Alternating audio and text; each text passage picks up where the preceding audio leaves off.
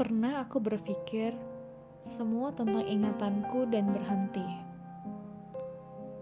Seringkali aku berniat untuk menyerah dan pasrah.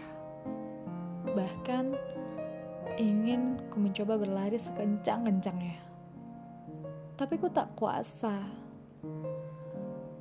Mungkin perjalanan kisahku akan menjadi sebuah perjalanan yang panjang atau bahkan cukup sampai di sini aja.